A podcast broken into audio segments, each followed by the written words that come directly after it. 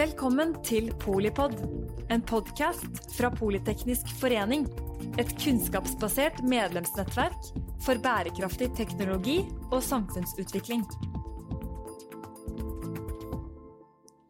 Hjertelig velkomne til eh, Polipod og denne spennende episoden om eh, frihandel og forholdet mellom Norge og Kina. Frihandelsavtalen eh, spås å være rett rundt hjørnet. Og hva betyr det da for norsk næringsliv, og i et større perspektiv for det politiske, miljømessige, sosiale forholdet mellom våre to land? Vi ønsker å se verden fra Beijing, og har en rykende fersk rapport på bordet fra The Governance Group, som eh, beskriver drivere og status, og gir oss da et innblikk så har vi så heldig at vi har med oss Henning Christoffersen, som har eh, forfattet eh, brorparten av den rapporten fra Governance Group. Han er spesialrådgiver der, og i tillegg så har vi med oss Gøril Heggelund, som er professor på Fridtjof Nansens institutt. Så da er alt tilrettelagt for en interessant samtale om, om hva som skjer i Kina, og spesielt på miljø- og klimasiden. Henning? Ja, det skjer jo som vanlig svært mye i Kina. De hviler jo ikke, disse kineserne. Så eh, det har jo vært en veldig spesiell tid for hele verden, og er det fortsatt. Eh, koronakrisen er på langt nær eh, over.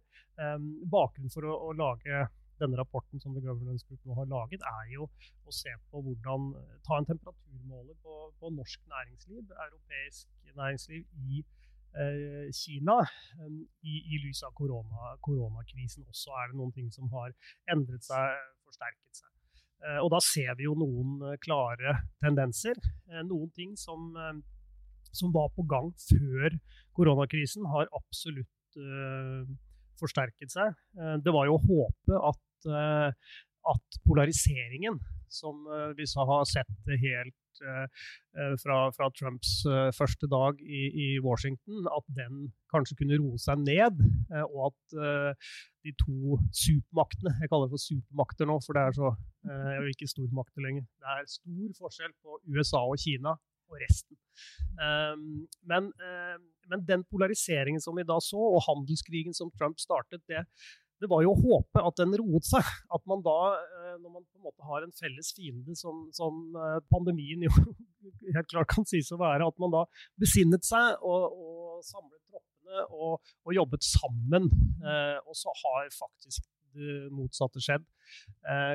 koronakrisen har heller forsterket de, den polariseringen som vi så tidligere. Og det er, jo, det er, jo, på mange måter trist, og lover jo ikke så godt for, for USA-Kina-forholdet fremover. Eh, det, det viktigste bilaterale, viktigste forholdet mellom to land, utvilsomt, eh, i verden.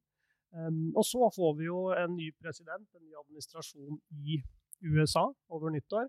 Så da blir det jo veldig spennende å se hvordan Joe Biden Eh, Kamala Harris og deres eh, tropper, hvordan de forholder seg til Kina. Jeg tenker at eh, det som åpenbart må skje, det er jo at kommunikasjonen og dialogen mellom Washington og Beijing den må da bli mer forutsigbar. Jeg kan ikke forstå annet. Biden har jo, har jo relativt nylig sagt at diplomati skal være USAs fremste våpen og ikke toll og avgifter. Det høres jo nesten revolusjonerende ut etter fire år at diplomati skal være det fremste våpen, men sånn har det nå blitt. Så, så, eh, men eh, personlig så har jeg ikke noe tro på at, eh, at på en måte hverdagen blir noe lettere for Beijing, for å si det sånn, i forhold til USA. Jeg tror nok at Biden og Kamala Harris, og det har de også sagt, at er, de kommer til å kjøpe et tøft løp overfor Kina. Men de kommer til å samarbeide med allierte demokratier som de sier, i kampen for å vinne, eh, vinne, kampen mot Kina. Så de ser det åpenbart fortsatt som en, det er en kamp. Det er en, en helt reell konkurranse som, som, USA ønsker å vinne. Og så har de også vært klare på at eh, den skal heller vinnes med, med, med satsing og investeringer i eh, amerikansk innovasjon og innovasjonskraft. Så på en måte en større selvtillit på vegne av hva amerikanerne selv kan få til, enn det å gjøre alt man kan demme opp for Kinas fremvekst. Men dette, dette, dette får vi se hvordan dette utvikler seg. Men det er i hvert fall en spennende tid fremover også, da, og ikke minst i forhold til hvordan, hvordan dette kommer til å slå ut når det gjelder eh, miljø og klima. For det er jo et av områdene hvor eh, Joe Biden har sagt at der ønsker han å samarbeide med Kina. Konkurranse, kniving, rivalisering på noen områder, men samarbeid på andre. Det er jo faktisk helt nye toner enn det vi har hørt de siste fire årene, hvor, hvor, Washington stort sett har vært opptatt av å demme opp for Kina og begrense Kinas fremvekst nær sagt på alle, på alle. Vi hører jo at det er altså, en ny kald krig, kalles det, men er det en er det en grønn krig, eller er det eh, fred- og forsoningsarbeid på den grønne siden? Tja, grønn krig, ja vi kan jo kanskje kalle det det også, i hvert fall på teknologisiden vil jeg jo tro at det er litt kriging i hvert fall. Men for å gå tilbake til miljø og klima og energi f.eks., så har jo USA og Kina har jo hatt et langt samarbeid eh, både på energi og, og, klima. Så det er jo noe som man kan håpe kan tas opp igjen, da. Altså i forbindelse med forberedelsene til Parisavtalen, altså i, som da ble godtatt i Paris. I 2015 så var eh, jo Kina og USA helt instrumentelle i å få den avtalen på plass. Og de hadde et godt samarbeid. Um, etter at uh, avtalen ble godkjent og det var skifte da, i USA til Trump-administrasjonen, så annonserte jo han at USA ville trekke seg fra denne Parisavtalen. Og da var det jo mange som stilte spørsmålet om Kina da kunne ta på seg et slags lederansvar for global klimaarbeid, på en måte, da, altså i forbindelse med, særlig da, i forbindelse med forhandlingene. Men, ehm, og det vi ser, er jo selvfølgelig at eh, For å snakke bitte lite grann om Kina også, da, det er jo et, ehm, et, det største utslippslandet eh, på CO2. Eh, som utgjør ca. 28% av alle utslipp i verden. Så er det desidert største utslippslandet. Det gikk forbi USA i 2007 ca. Eh, som det største utslippslandet. Og, og, utslippene har jo egentlig økt kraftig fra, liksom, fra 1990 da, til og med sant, 2018. Eh, altså kanskje tre og en halv gang har utslippene økt. Så det er eh, store utslipp vi snakker om her. Og mye av dette skyldes jo at Kina er veldig kullbasert. Altså deres økonomi er jo basert på, på kull og, og tilgang på, på kull. Og fremdeles så utgjør jo kull 57% cirka, av all energi i Kina. Det har jo gått ganske mye ned, faktisk, for det har jo vært oppe i 70 og mer prosent eh, bare for, noen, for ti år siden. Men uh, fremdeles er det jo avhengig av, uh, av kullet sitt. Så, så, det er jo den største utfordringen for Kina egentlig nå, er jo på energisiden. Å få redusert kullforbruket. Få, få med altså, alle interessenter, det være seg provinsene som er avhengig av kull, altså som produserer kull, og andre eh, store aktører da, i, i, Kina som er interessert i å opprettholde kull. Men den store nyheten er jo da egentlig, i, for, i forhold til eh, Kina og, og, klima, er jo denne altså nyheten som kom da under FNs generalforsamling nå i oktober, at eh, Kina skal være karbonnøytralt innen 2060. Og dette har jo fått mye oppmerksomhet eh, rundt omkring i, i verden. og og også i Kina, selvfølgelig, for det jo, kom jo veldig overraskende på, egentlig. Det var ingen som hadde hørt noe om det egentlig i det hele tatt, bortsett fra at selvfølgelig noen, en del forskere osv. har jo forsket på i mange år for å se på altså, løsninger da, for Kina, eh, på en måte, for å komme frem til altså, løsninger da, på å redusere kull og bli mer eh, ren, f.eks. For fornybar. Eh, eller andre eh, kilder. Da. Så eh, dette var jo en veldig overraskelse. Nå står vi jo i en veldig viktig periode da, for Kina, egentlig, i og med at den 14. femårsplanen da er under utvikling, som kommer neste år, i mars antagelig, under folkekongressen i mars i 2021.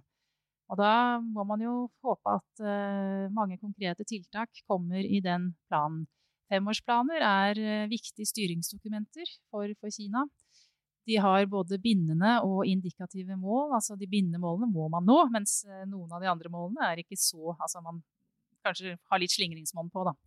Men f.eks. når det gjelder karbonintensitet eh, eller energiintensitet osv., disse målene de er som regel bindende, og de blir da fordelt utover på provinsene. Hver provins får et spesifikt mål og, som de da må oppnå. Men litt av utfordringen selvfølgelig med provinsen er at de er noen ganger ikke alltid like enig i det sentralmyndighetene sentralmyndigheten i Kina eh, sier. Så mm. de har sine egne interesser, og økonomisk vekst er jo selvfølgelig eh, et av de hovedaspektene ikke sant, ved at man tenker at kull, hvis man skal redusere på kull f.eks., så tenker man at det kan være vanskelig å få til økonomisk vekst da, i, i, i, en provins. Særlig de som da er avhengig av kullproduksjon i Kina spørre, den, eh, det målet om klimanøytralitet, eller karbonnøytralitet, er det da reelt, eller er det si, inkludert oppsetting offsetting og, og kvotehandel eh, altså, ja. ut, utenfor Kina? Eh, ja, altså det, det, de skal det de, de, har jo mange redskaper i Kina, altså mange forskjellige policies. Som, altså det er kvotehandel selvfølgelig inkludert i dette her. Du har energieffektivisering, som også har vært kjempeviktig for, for Kina opp gjennom årene, eh, og fremdeles er det. Eh, du har fornybar energisatsing, du har også kjernekraft. Så alle disse eh, er jo på en måte en slags redskapsboks da, som, av, av politikk som Kina da kan benytte seg av ikke sant, i, den, i, den, i, å nå de målene om karbonnøytralitet. Men det er jo helt opplagt at det vil jo være utfordringer for Kina her. Enkelt å få dette til. Mm. Det ser vi jo. Jeg synes også det, var, eh, det er jo interessant den timingen også, når Xi Jinping sier dette på, liksom på mm. verdensscenen. ikke sant? Ja. Fordi at det, um, det er jo ikke noe tvil om at Kinas myke, myke makt, uh, popularitet i verden, den har uh, sunket uh, om mulig enda lavere under koronakrisen. Eh, den, det var tøft for Kina før med, med, med, den politikken de har kjørt i Hongkong og innføring av sikkerhetslov der, med, med politikken overfor uigurene, eh, der de anklages for, for, grove menneskerettighetsbrudd. Eh, du har fremferden i Sør-Kina, havet, Taiwan Det, er liksom endeløst av temaer som, som på en måte har gjort upopulariteten Eh, til Kina større i verden. Og så kommer koronakrisen på toppen, som da starter i Kina, og en, og en eh, begredelig håndtering i starten der? Som, som, også da har tæret på Kinas eh, myke makt, popularitet i utlandet. Eh, samtidig så er i hvert fall min erfaring, og et tema som jeg selv forsker på, er veldig opptatt av, er jo er altså parti, kommunistpartiets legitimitet i egen befolkning. Eh, og da, da er min forståelse at at det å levere på miljø eh, er eh, ekstremt viktig for partiet. fordi at det, det er et av de temaene altså Miljø og korrupsjon er kanskje de to største temaene som har opptatt folk i Kina de, de siste årene. Eh, og Derfor så tenker jeg at det var, det var da et voldsomt behov for å gjøre noe positivt på verdensscenen da de kom med dette målet. Og på den annen side så, så, så, må de jo, så vidt jeg kan forstå, levere på miljømål overfor egen befolkning. For, fordi at eh, folk jo, har jo faktisk vært en situasjon hvor de må være inne, altså i storbyene i Kina. fordi at eh, når, det, forurensningen er for, for høy. Da, så nysgjerrig på hva du tenker om, om den balansen der. Jo, da er jeg helt enig i det du sier. Og det at uh, Xi Jinping annonserte dette på generalforsamlingen i FN, sier jo litt at han ikke gjorde det hjemme bare, men at han var en internasjonal setting. Mm. Og det vil jo vi altså, de, Kina vil jo dermed vise at uh, de er på en måte en uh, ansvarsfull nasjon. ikke sant? De vil på en måte, på en måte forsøke å forbedre sitt gode navn og rykte, altså sitt image, også internasjonalt. Så det, det, var, det var, et, viktig viktig stunt å mm. ta det der. Men eh, det du nevner i forbindelse med miljøet i Kina og forurensningsproblematikken, som eh, har vært en del år nå, og som fikk et veldig fokus da i 2013 og 2014, hvor man virkelig hadde eh, Altså, vi bodde i Beijing da, og det var noe av det verste man har opplevd. Altså, du kunne ikke se fremfor deg. Og det ble jo en del oppmerksomhet rundt uh, disse problemene i Kina da, altså på, sånn på WeChat og på, på forskjellige typer ja, WeChat, den der uh, appen som du appen, må ja, ha for å ha, ja. i Kina. og på Weibo eh, og sånt. Ja.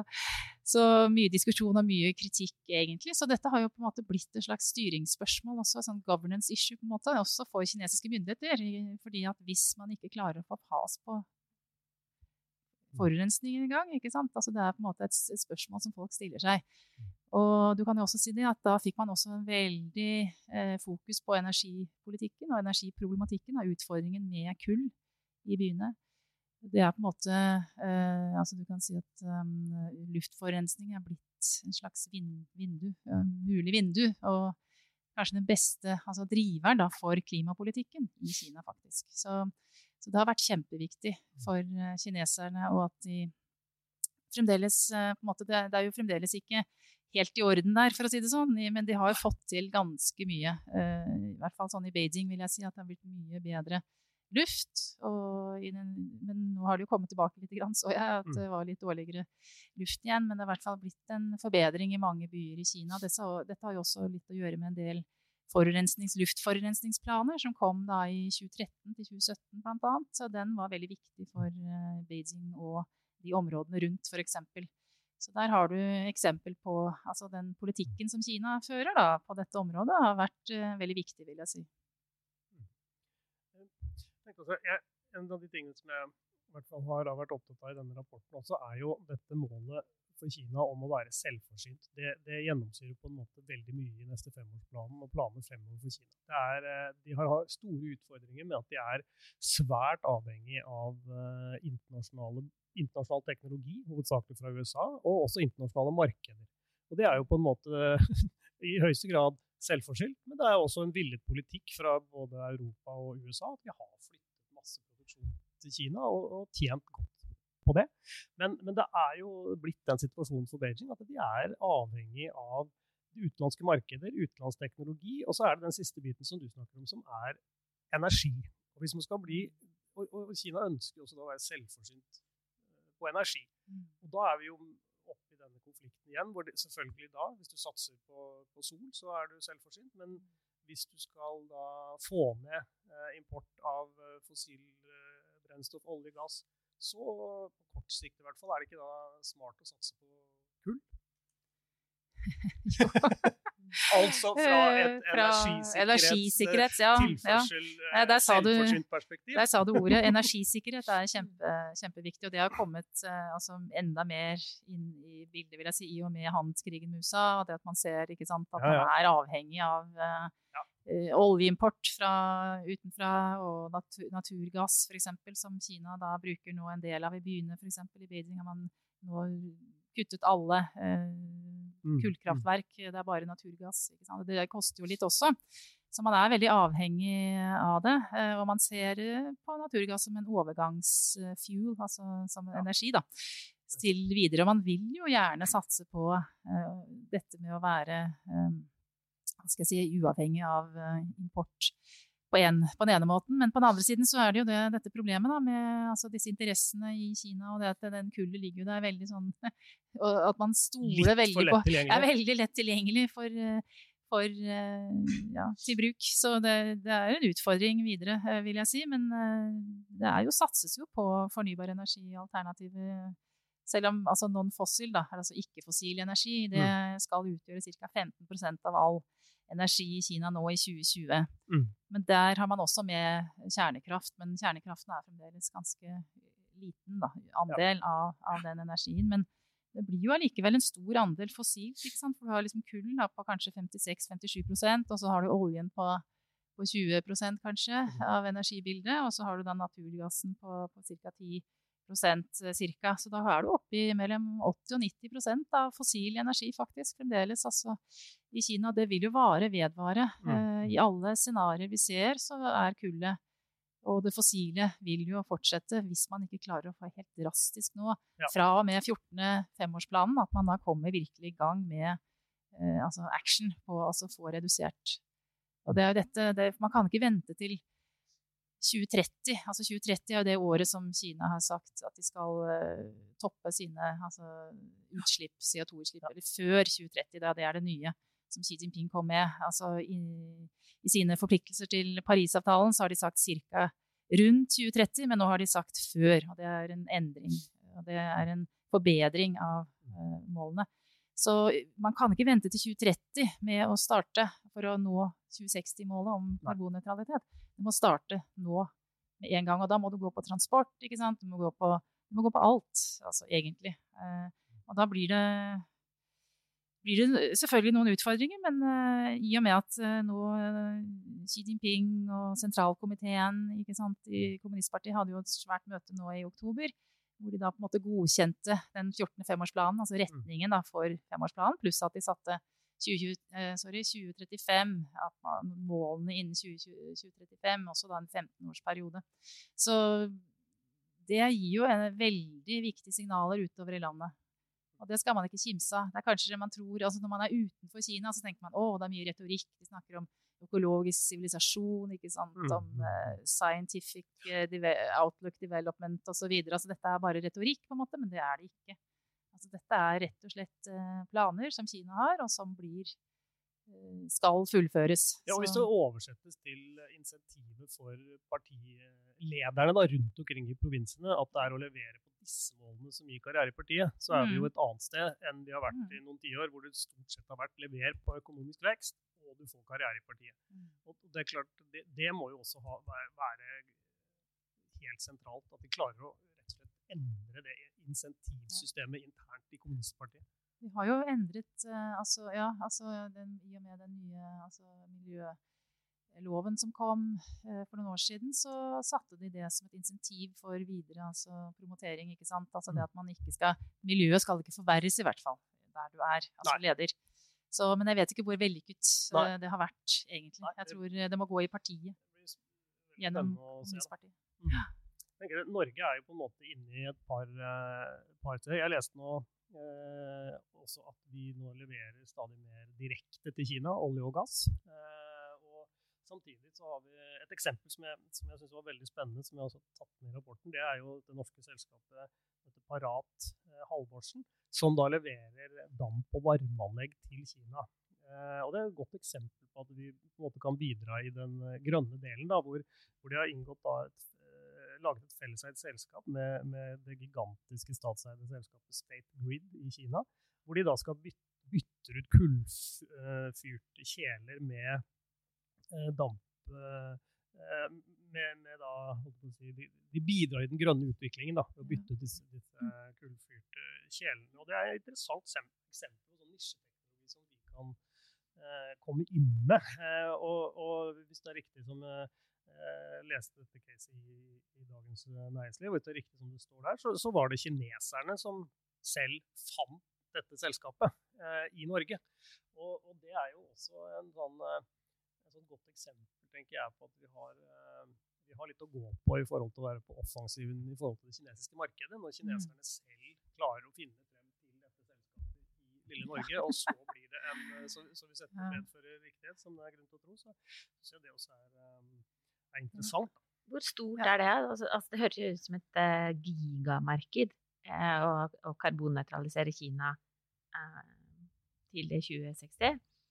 Uh, hvor stort er eksempelet ditt? Ja, det er jo, det er jo, veldig, det er jo veldig, interessant. Da. Altså, bare dette selskapet her, så, så, så uttalte jo lederen for, for Parat Halvorsen at det, dette felleseide selskapet kunne få en omsetning på 4,5 milliarder norske kroner. Og det er jo, det er jo et, um, et, eksempel. Men jeg tror det er mye, mye gull da, mm. i Norge. Nisjeteknologi som vi kanskje ikke tenker på er Eh, det er langt fra Norge til Kina. Og, og, og, det ene er at du kanskje ikke har selvtillit nok på produkter og teknologi, men eh, det er, det er noe én ting. Men, men, så er det som et, som et, mindre selskap, da, et lite mm. mellomstort selskap, det å satse da Asia, det asiatiske markedet, det kinesiske markedet, det er klart at det fremstår som veldig langt unna. Så, så det, det, er Men det, er likevel Eksempelet forteller noe om de mulighetene som fins. Og vi har nok litt å gå på i forhold til eh, eksportfremme da, i Norge. For vi er et lite land. Uh, og da har vi et lite hjemmemarked. Og, og som følge av det så har vi også da gjennomgående mindre selskaper enn en andre uh, lands selskaper som vi konkurrerer med markedene i Kina og Asia. Samtidig som vi vet at inntektene fra olje og gass eh, i Norge de kommer til å gå ned. De forvitrer etter hvert hvordan skal da eh, hva skal vi da eksportere? Så vi må få opp eksporten. Og det har jo eh, både altså Jeg nevner Jonas Gahr Støre. Arbeiderpartiets leder, i, i, den rapporten han har skrevet, han har jo kommet med et veldig sånn offensivt mål, hvor, hvor fastlandseksporten skal øke med 50 de neste ti årene. Og, og, og, fortsette å øke. Og det er klart, det er, det er voldsomme mål. og Det er jo mål som alle, alle, sider av politikken i Norge mer eller mindre har. Og det, det, er vanskelig å se for seg at vi får til det uten at vi klarer å finne disse her eh, små skattene rundt omkring da, som vi faktisk kan, kan, løfte frem. Jeg tenkte på en annen ting som du snakket om, altså det med å være altså proaktiv, da, f.eks. fra Kinas side. altså Dette selskapet mm. da, som finner det norske. Men eh, jeg vil også nevne det da, i, i Kina så er det jo mange proaktive hva skal jeg si, for noen provinser og særlig byer kan du si, som er veldig viktige i dette arbeidet med å prøve å få til en lavutslippsøkonomi. Og da har du f.eks. Eh, Shenzhen nede i, i Guangdong-provinsen, som er en by på ca. 12 millioner mennesker. Stor by, som egentlig var en mm. bitte liten fiskelandsby da, før, før Deng Xiaoping kom med sin ja. liksom, modernisering av Kina og økonomiske politikk. Men i hvert fall eh, der har man jo klart å 100 elektrifisere altså bussene i, i, den byen. Og drosjene Det er et mål om at man skal være 100 eh, altså elektriske. Nå er det vel mellom 60 og 70% antagelig. Så dette er bare ett eksempel på, på, dette at eh, det er mange muligheter i, i Kina. Og man skal ikke bare se på altså de eksemplene jeg har gitt på dette med kullprovinsene, f.eks. Mm, mm. Altså, det er jo på en måte naturlig. på en måte. Vi ser det jo i Norge også. at dette med oljen, Vi har ikke lyst til å gi opp oljen enda. Det er jo mm. penger å tjene på det. Det er litt sånn lignende på en måte. Ja, det er klart det er det. Eh, så, så, jeg vil jo bare nevne at det er mange, mange positive trender og positive ting som skjer rundt omkring i landet, og særlig da i de områdene av Kina som er mest eh, altså, utviklet økonomisk. Selvfølgelig. Så det er et sånn fascinerende poeng da, hvor vi på en måte presser på og, og syns det er forferdelig at Kina med sine 1,4 milliarder innbyggere fortsetter med det kullen og de fossile brennstoffene. ikke sant? Og så skal de da få opp De har 600 millioner mennesker som lever som har en inntekt under tilsvarende 1300 eh, norske kroner i måneden.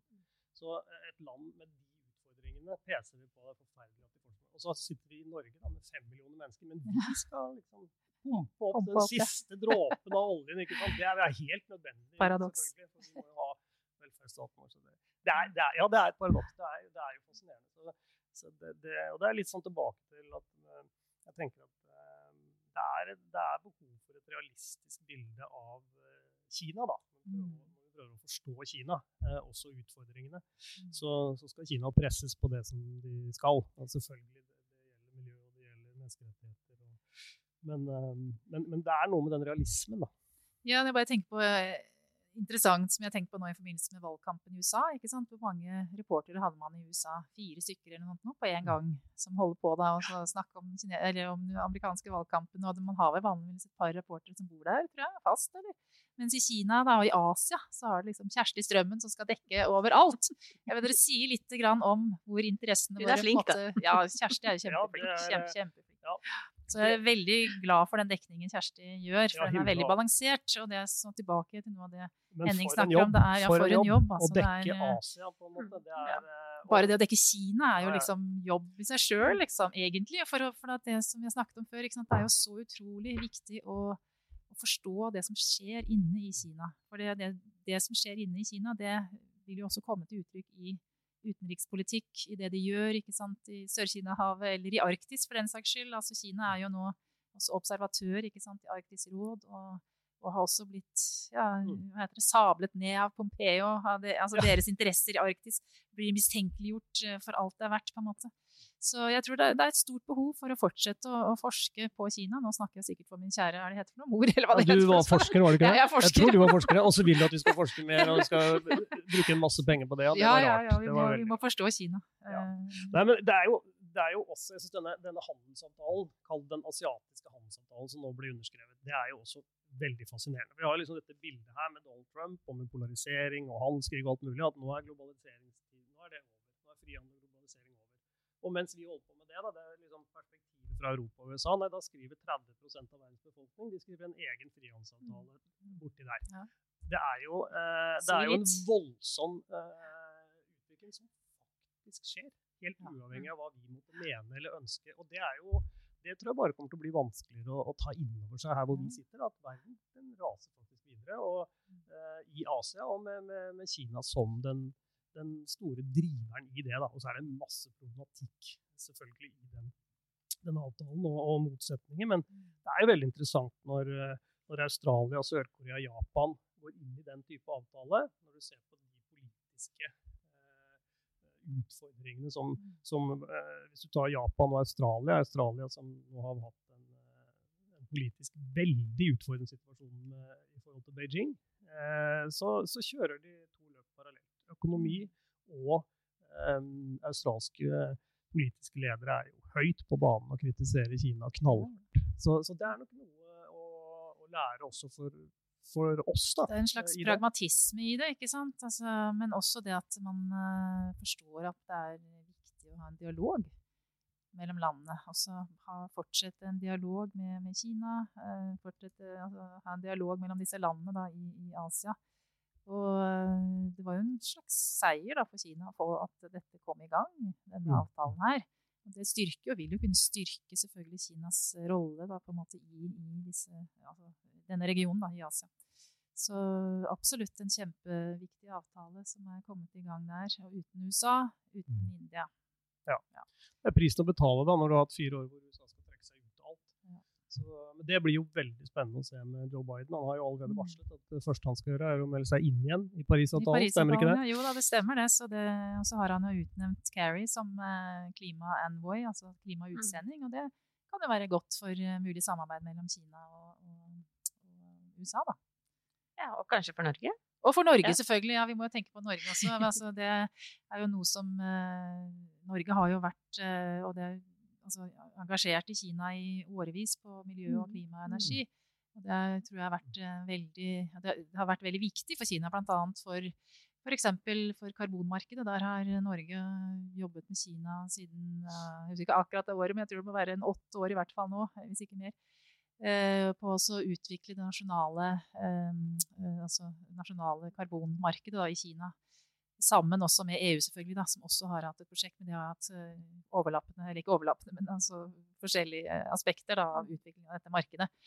Og Norge har også vært kjempeviktig i forhold til kvikksølv, f.eks. Altså, Kina hadde ikke noe særlig arbeid og var ikke opptatt av kvikksølv eh, i det hele tatt. Eh, kanskje 10-15 år tilbake. Men det norske samarbeidet med, med Kina i over ti år har eh, satt, virkelig satt kvikksølv på agendaen. Og, og Kina jo, er jo da, var en av de tidligere landene som ratifiserte Minamata-avtalen, eller konvensjonen på kvikksølv. Så mm. her har Norge virkelig vært uh, vil jeg si, jeg vil ikke si det takket være Norge, men altså samarbeid, internasjonalt samarbeid i det hele tatt har vært veldig viktig for Kina i, på mange av disse altså klima-, energi- og miljøspørsmålene. Altså dere som uh, nærmest kan og vet alt. Uh, hvis jeg låste døren til studio her nå, og det var dere to som skulle skrive den uh, nye frihandelsavtalen mellom Norge og Kina, hva ville stått i den? Henning, kom igjen. Nei, jeg, um, jeg kaster da ballen litt sånn videre, fordi det kan jeg gjøre. For jeg har intervjuet norske næringslivsledere og, og representanter for norsk næringsliv i Kina. Så jeg kan jo si hva de, de mener. Og der er det egentlig det, det, er, det, er, to ting. Det ene er selve innholdet i avtalen. For, for eksport av fisk og laks. Og, så, fisk og laks, er vel, eh, laks er vel en fisk? Fisk, altså et fisk, ja. Men eh, der er selvfølgelig det helt konkrete viktig. Eh, norsk laks eh, har eh, en toll som f.eks. chilensk eh, laks. Chile og Kina har en frihandelsavtale, har ikke så, så, så, så, Norge starter uh, bakpå. Så, det er viktig. Og så er det jo det å si at uh, i en frihandelsavtale så blir ofte laksen liksom trukket frem. At vi skal på en måte selge ut Norge bare for å få solgt denne laksen. Uh, men det er altså sånn at norsk lakseeksport til Kina utgjør 3% av den totale eksporten av laks. Så det, det er et lite marked. Uh, og, og, norsk fastlandseksport totalt er 5 til Kina. Så, så, problemet er jo ikke at vi verken vever økonomien vår for mye inn i den kinesiske, eller blir avhengig av kinesisk økonomi med en frihandelsavtale. Det, er jo, det er jo heller det at vi handler for, for lite med Kina og de asiatiske markedene som er i sterk vekst, som er utfordringen.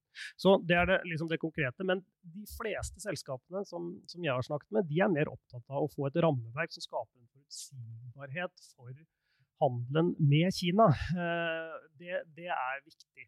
Og også som del av det at med en frihandelsavtale så er det også uh, håp om at norske myndigheter da eh, prioriterer og setter av møte, at det blir laget møteplasser mellom norske og kinesiske myndigheter for å, for å følge opp denne frihandelsavtalen.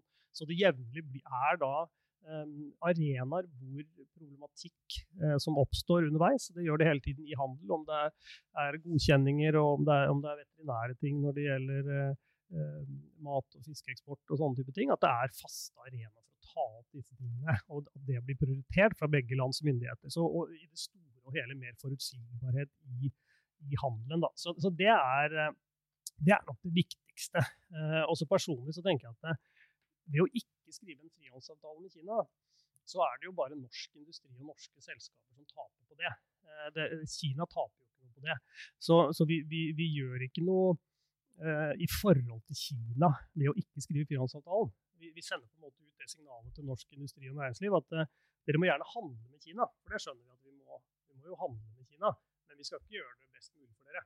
Det, det, det gjør vi ikke. Så, så jeg tenker at eh, det, det, er, det, er, egentlig få, få, argumenter for å ikke ha en frihandelsavtale. Uh, med mindre rett og slett at de som forhandler den, gjør en dårlig jobb. Da skal vi ikke ha den. men det må vi ta for gitt at de klarer å gjøre jobben sin. Så sånn er det alltid med når du forhandler med kinesere, da må du være våken i timen. om det er det ene eller det andre. Ja, det er gode forhandlere. Nå um, har jo Henning nevnt uh, veldig mange gode aspekter mm. her ved en mulig, eller den handelsavtalen da, som er uh, under forhandling. Jeg har ikke sett så nøye på den, men uh, jeg tenker at det kan være viktig når man tenker på miljø og, klima og energi, at uh, man da også tar med det aspektet i en, altså i en handelsavtale som For Norge har jo en del miljøteknologi som man sikkert kan klare å mm. dele med Kina på en eller annen måte. Altså, ja. Så det må være For vi må jo få med oss Kina i dette arbeidet med global, eh, altså globale utslipp. Og energi er jo da eh, et sted å starte. Og miljø. Eh, det er jo ingen tvil om at miljøet i Kina er Vi har store utfordringer med å både altså med luft og med vann og jord, ikke minst. Altså det, er, det er store utfordringer. Så tenker at uh, en avtale må inneholde noe om det også. At det hadde vært viktig. Det ville jeg skrevet inn i hvert fall. Det er bra. Masse teknologi til Kina, så vi kan få bort alt dette. Da, da har jeg en fempunktsliste uh, her. Så kan bare, da kan de bare ringe. Ja. Nei, men uh, spøk til side. Det er, jo, uh, det er jo også overnasjonale globale utfordringer som vi må løse i samarbeid. Så så tusen takk til um, Henning Christoffersen, spesialrådgiver i The Governance Group. Tusen takk til Gøril Heggelund, professor på Fridtjof Nansens institutt. Dere ga oss et innblikk i hvordan verden ser ut fra Beijing. Da er vi litt klokere, og, og kanskje får vi til litt mer sammen fremover. Mitt navn er Mette Vågnes Eriksen. Jeg er generalsekretær her i Politeknisk forening. Og vil si tusen takk til deg som lytter. Da har du også fått eh, en liten eh, forsmak på hva som skjer når Norge og Kina tar opp igjen eh, frihandel.